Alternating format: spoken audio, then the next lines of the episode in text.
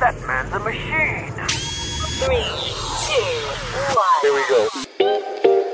This is My Gesia Podcast. I said the liquor, but it's much too harsh. Chase me down, chase me down, make it stop. I know she said that she fuck with her old soul. Hai, Iya. Aku Gesna. Dan aku Aya. Ya, welcome to our podcast. Eh, eh, kalian pernah nggak sih diremehin secara fisik atau dikatain kalau bahasa gaulnya tuh body shaming? Oh, body shaming. Pernah nggak ya? Tapi sebenarnya eh, sebelum kita ke pembahasan body shaming, mungkin kita mungkin kita perlu tahu dulu istilah yang ada kaitannya sama itu sih kalau menurut aku. Mungkin kalian pernah dengar istilah apartheid ya. Ya, jadi eh, kalau menurut beberapa literatur yang aku baca, apart itu memisah dan hate itu sistem atau hukum. Jadi apartheid ini sistem pemisahan ras yang diterapkan oleh pemerintah kulit putih yang ada di Afrika Selatan dari sekitar awal abad ke-20 hingga tahun 1990. Jadi sebenarnya apartheid ini sebuah sistem pemisahan berdasarkan ras, agama dan kepercayaan, diskriminasi etnis dan pemisahan kelas sosial. Jadi sebenarnya sejak dulu kala sudah ada orang-orang yang menganggap uh, dirinya itu jauh lebih baik dari ras lainnya. Gitu. Menarik ya, bahkan udah lama. Di sini juga eh, aku pengen ngasih contoh eh, kasus kayak ada yang disebut white supremacy yaitu ideologi yang menganggap ras putih itu lebih superior. Jadi seperti contohnya aja kayak di di Afrika atau daerah Timur Tengah ada me- ada perbudakan di mana ras kulit putih itu lebih derajatnya lebih tinggi dibandingkan sama yang ras hitam. Oh, mungkin ada kaitannya juga ya sama kejadian yang baru-baru aja terjadi masih di tahun ini. Viral sih. Ceritanya itu tentang kasus George Floyd di mana Oh, yang di Amerika. Jadi tuh George Floyd ini adalah warga kulit hitam yang eh, akhirnya memicu banyak sekali protes dari masyarakat banyak karena eh, George Floyd ini tuh mati karena pada saat itu ada seorang polisi dari Minnesota itu eh, menangkap si George Floyd ini karena sebuah kesalahan yang dilakukan oleh George Floyd. Tapi em, ketika ditangkap tidak langsung dibawa ke kantor polisi malah eh, di jadi ada ada video singkat yang beredar di media sosial begitu jadi George Floyd itu ditangkap tapi lehernya di, di ditekan pakai lututnya si polisi ini oknum polisi ya dalam hal ini. Nah sampai akhirnya eh, si George Floyd ini meninggal. Akhirnya gara-gara itu eh, memiculah uh, muncul lagi yang namanya rasa kayak uh, ras ini lebih baik daripada ras itu. Karena kan George Floyd ini orang kulit uh, hitam kan. Mohon maaf. Nah ini juga berbanding lurus sama data yang diolah dari koran Washington Post yang uh, mengutarakan kalau sekitar 1014 orang itu sudah ditembak mati oleh petugas kepolisian di Amerika Serikat pada tahun 2019 walaupun ini oknum ya. Jadi sebenarnya menurut beberapa penelitian juga orang kulit hitam ini merupakan korban terbesarnya. Ini merupakan kajian dari organisasi non pemerintah uh, bernama Mapping Police Violence yang menyatakan bahwa orang kulit hitam ini berpeluang tiga kali lipat lebih besar untuk terbunuh oleh polisi eh, daripada orang kulit putih. Jadi walaupun sudah modern sekali kalau menurutku sudah sejak zaman dahulu kala orang-orang tuh sudah terbiasa untuk eh, meremehkan satu sama lain. Iya nggak sih? Padahal kita loh sama-sama manusia, sama-sama tinggal Punya di bumi. keunikan masing-masing. Iya. Ya memang Tuhan menciptakan kulit berbeda-beda aja. Nah, terus kalian tahu nggak sih ada istilah lain nih? Eh, istilah lainnya itu etnosentrisme. Apa tuh? Etnosentrisme ini penilaian eh, terhadap kebudayaan lain atas dasar eh, nilai standar dari budaya sendiri. Jadi kita tuh nganggap budaya budaya kita, etnis kita tuh lebih bagus dibanding uh, budaya dan etnis lainnya gitu. Menilai kelompok lain tuh lebih rendah dibanding kelompok kita sendiri, khususnya berkaitan dengan bahasa, perilaku, kebiasaan dan bisa-bisa perihal agama. penilaian, penilaian terhadap kelompok lain tuh bisa lebih rendah, membanggakan kelompoknya sendiri. Nah, terus nih ada satu kasus di Indonesia, tepatnya di Surabaya. Eh, pengepungan asrama Papua ini terjadi akibat salah paham. Awal mulanya pengepungan ini disebabkan oleh perusakan bendera pusaka di halaman asrama tersebut. Nah, terus pihak eh, aparat pun menduga bahwa perusakan ini dilakukan oleh oknum pihak asrama. Tapi pihak asrama pun nggak tahu dan aparat dan ormas-ormas lain tuh nggak ngelakukan investigasi dulu terkait perusakan itu. Nah, terus timbullah di media, di Twitter tuh eh, apa ya kayak meremehkan, menghina ras, mohon maaf ras Papua kalau lebih rendah, lebih apa gitu. Tuh salah satu kasus yang ada di Indonesia. karena kejadian itu tadi. Nah, jadi menurutku sangat berkaitan nih sama yang kita bahas kan kita mau bahas tentang body shaming. Ini berkaitan banget sama tiga istilah tadi, ada apartheid, ada white supremacy dan juga et- etnosentrisme. Dari tiga istilah tadi sudah menunjukkan kalau orang-orang dari belahan dunia mana pun memang sudah pada dasarnya selalu punya perasaan-perasaan untuk meremeh iya merasa lebih dan meremehkan satu dengan yang lain.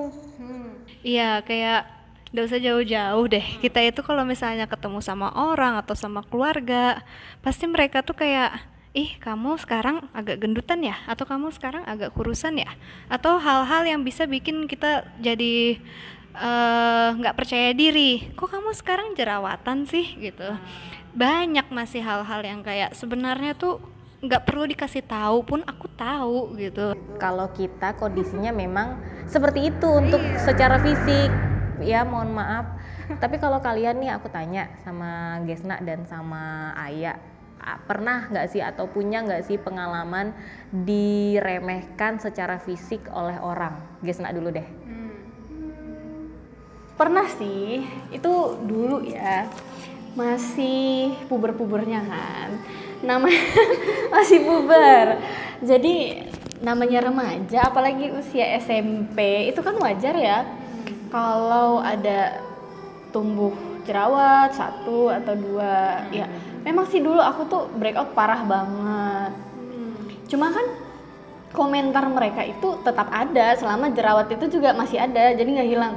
Dan membuat aku tuh jadi kayak rendah diri gitu. Padahal kan kita tahu kalau remaja itu wajar tumbuh jerawat. Nah tapi yang eh, aku ngerasa rendah kan? Nah sekarang aku baru tahu tuh kalau perasaan itu disebut insecure.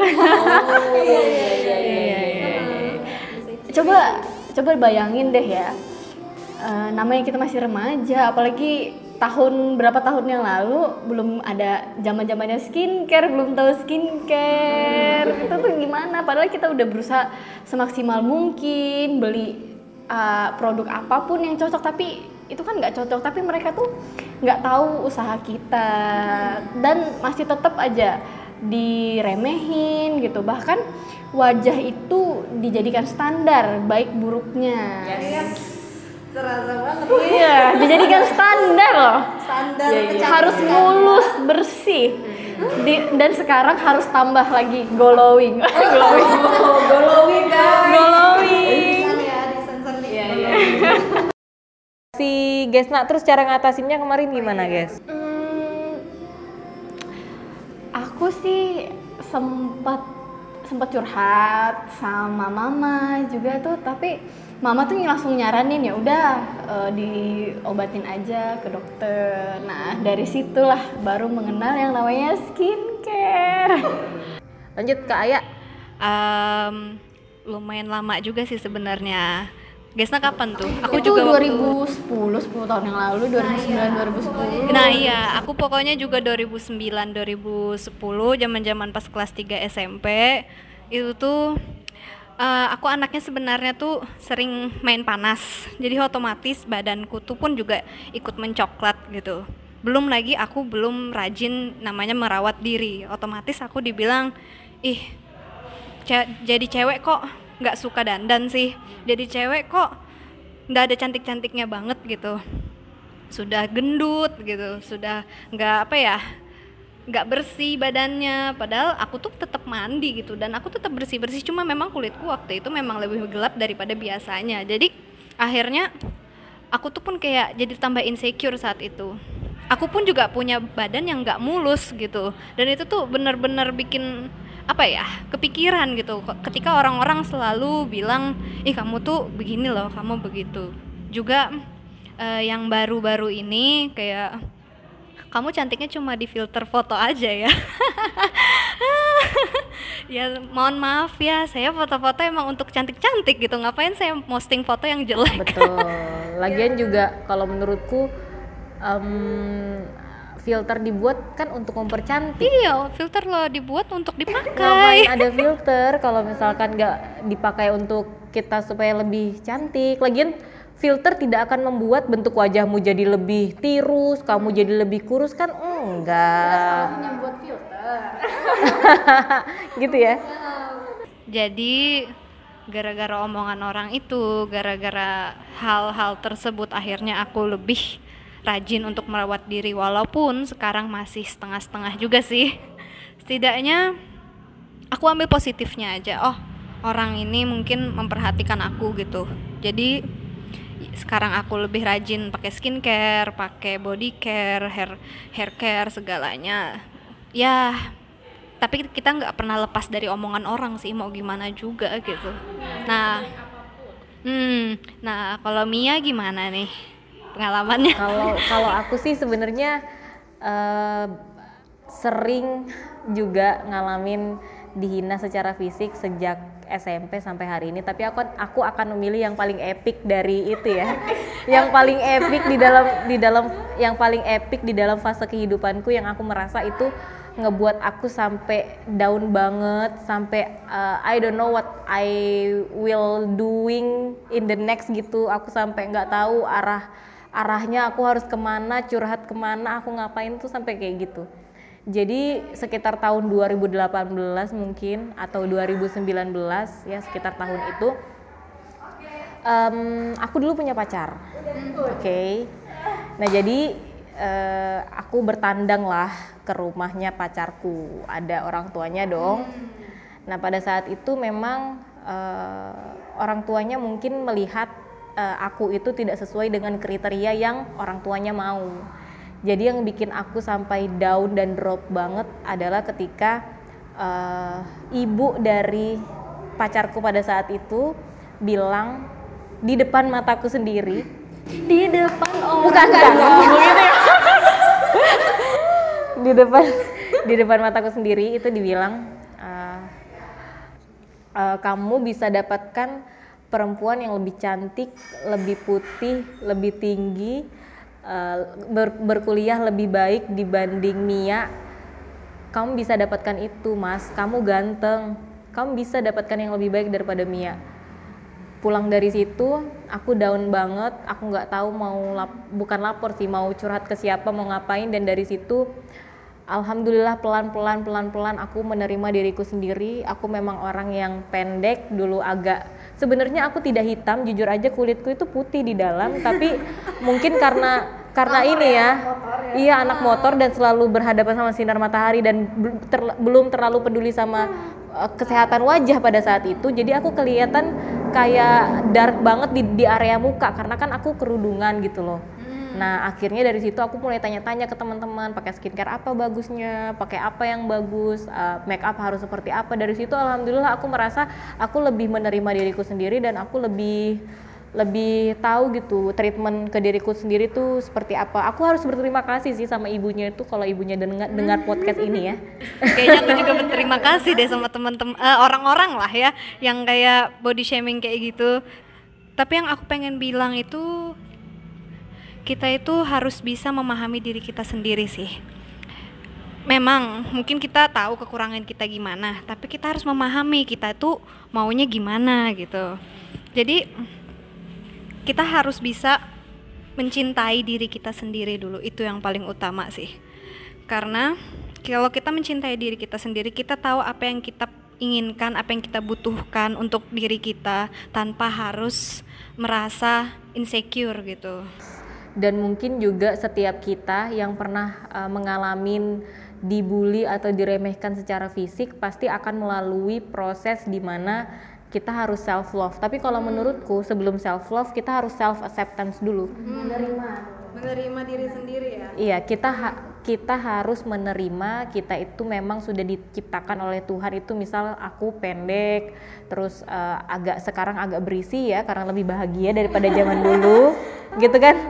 Jadi aku harus tahu oh pakaian yang bagus aku pakai seperti apa. Itu itu di fas- masuk ke fase self love kan kalau sudah tahu kita bagusnya pakai skincare apa dan apa. Tapi sebelumnya kita harus terima dulu. Oke, memang Tuhan berikan aku hidung seperti ini, Tuhan berikan aku tinggi seperti ini dan Tuhan berikan aku kulit seperti ini dan bagaimana cara membuat kekurangan tadi jadi lebih baik di mata orang dengan kita nyaman gitu. Nah, uh, setelah self uh, acceptance, kita uh, bisa kan awalnya kita menerima nih diri kita begini, kita tahu uh, kelebihan kekurangan kita. Nah, dari hasil evaluasi diri kita terhadap diri sendiri itu, nah kita bakalan tahu tuh uh, apa yang harus kita lakukan dan mana yang kurang kita kuasai. Dari situ kita mengetahui uh, value atau uh, harga dari diri kita itu loh.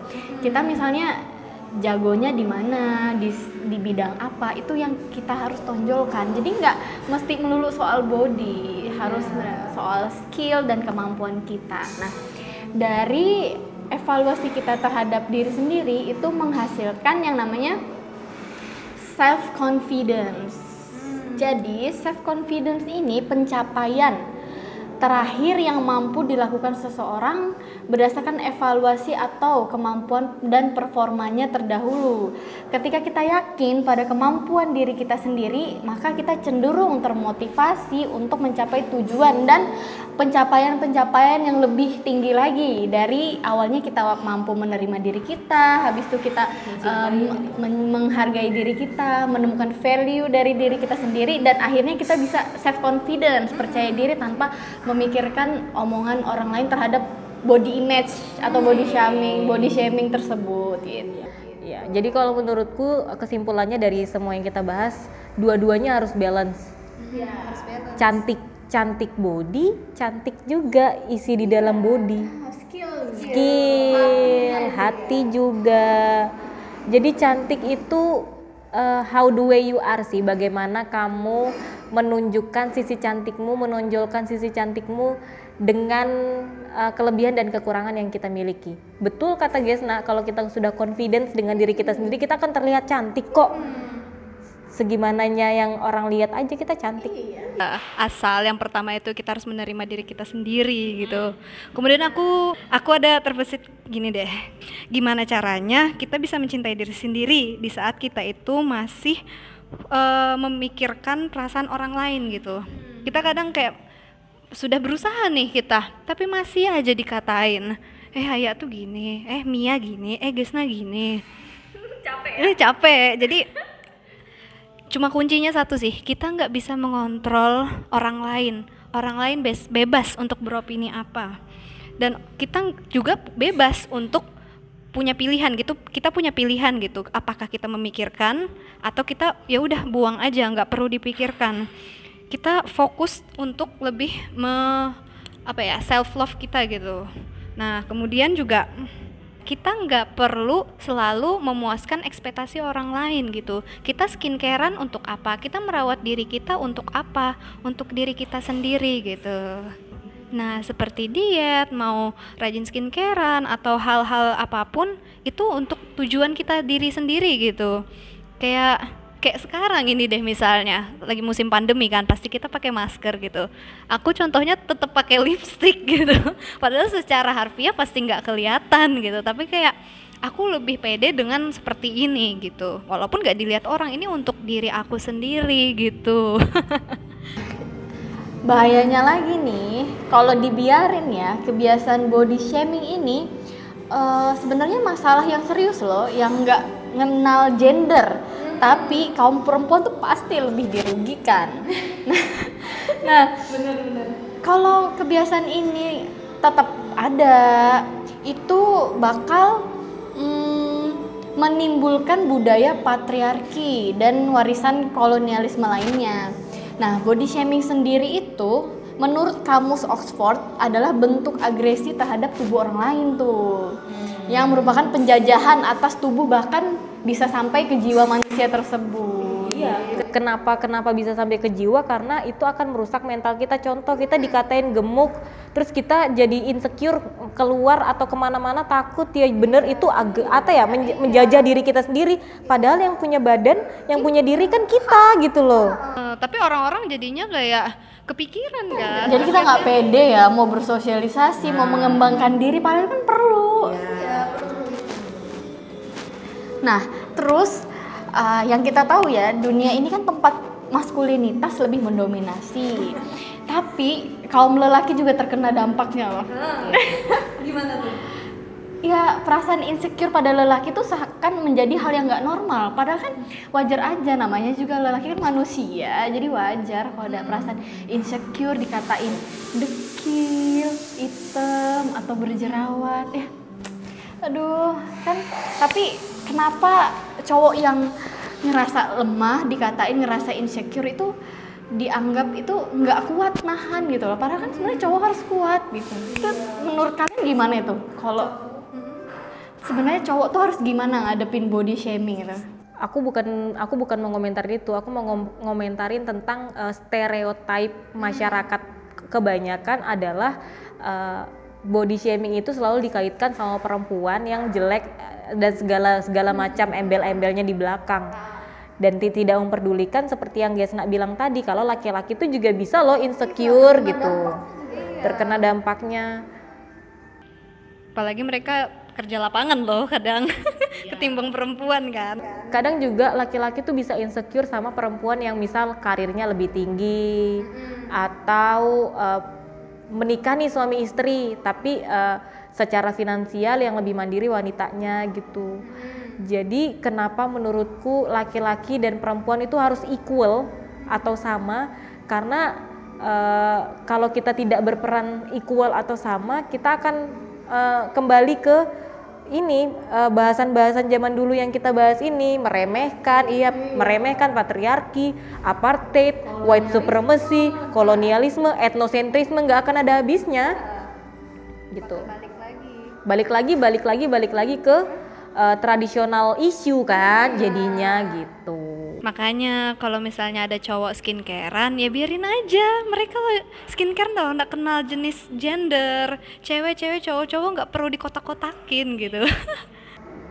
Kayaknya sekarang tuh kita harus eh, lebih terbuka dalam berpikir untuk kayaknya mulai sekarang berhenti deh menilai orang hanya dari fisik, berhenti menilai orang hanya dari eh, luarnya aja, berhenti menilai orang hanya dari postingan dia di Instagram. You don't know him, you don't know she. If just only uh, one message, one story in Instagram gitu, kamu nggak bisa tahu dia tuh orangnya kayak mana cuman dari uh, sekilas video uh, 15 detik di Instagram. Cuma nampak 24 jam. Yes, gitu ya. Jadi kesimpulannya adalah ya kita nggak boleh langsung menghakimi orang dong. Kita nggak pernah tahu perjuangan dia tuh bagaimana dalam menghadapi insekuritasnya dia. Kalau aku sih ya kurang lebih sama. Eh, yang pastinya kita harus bisa nerima diri kita, syukurin apa yang kita punya, jangan terlalu berlebihan di sosmed terutama. Itu salah satu yang buat kita insecure. oh iya satu lagi aku hampir lupa. Mulai sekarang kita harus berhenti membanding-bandingkan diri dengan orang lain. Karena kita punya potensi masing-masing. Kita seperti kata Gesna kata Mia kita tuh punya value masing-masing. Dan kita tahu sendiri bagaimana kita gitu loh. Kekurangan kita kelebihan kita. Nah kalau Mia gimana tuh? Kalau aku kesimpulan yang bisa eh, didapat hari ini adalah kita harus lebih apa ya lebih terbuka lagi sama keadaan di sekitar, lebih terbuka lagi dan lebih aware lagi sama orang-orang.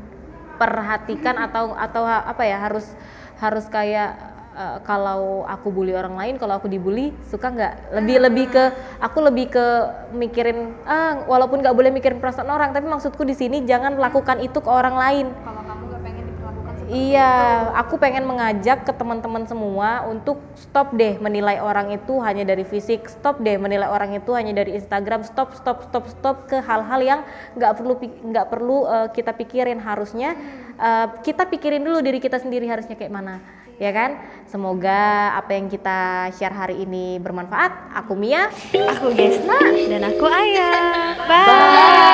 I sip the liquor, but it's much too harsh.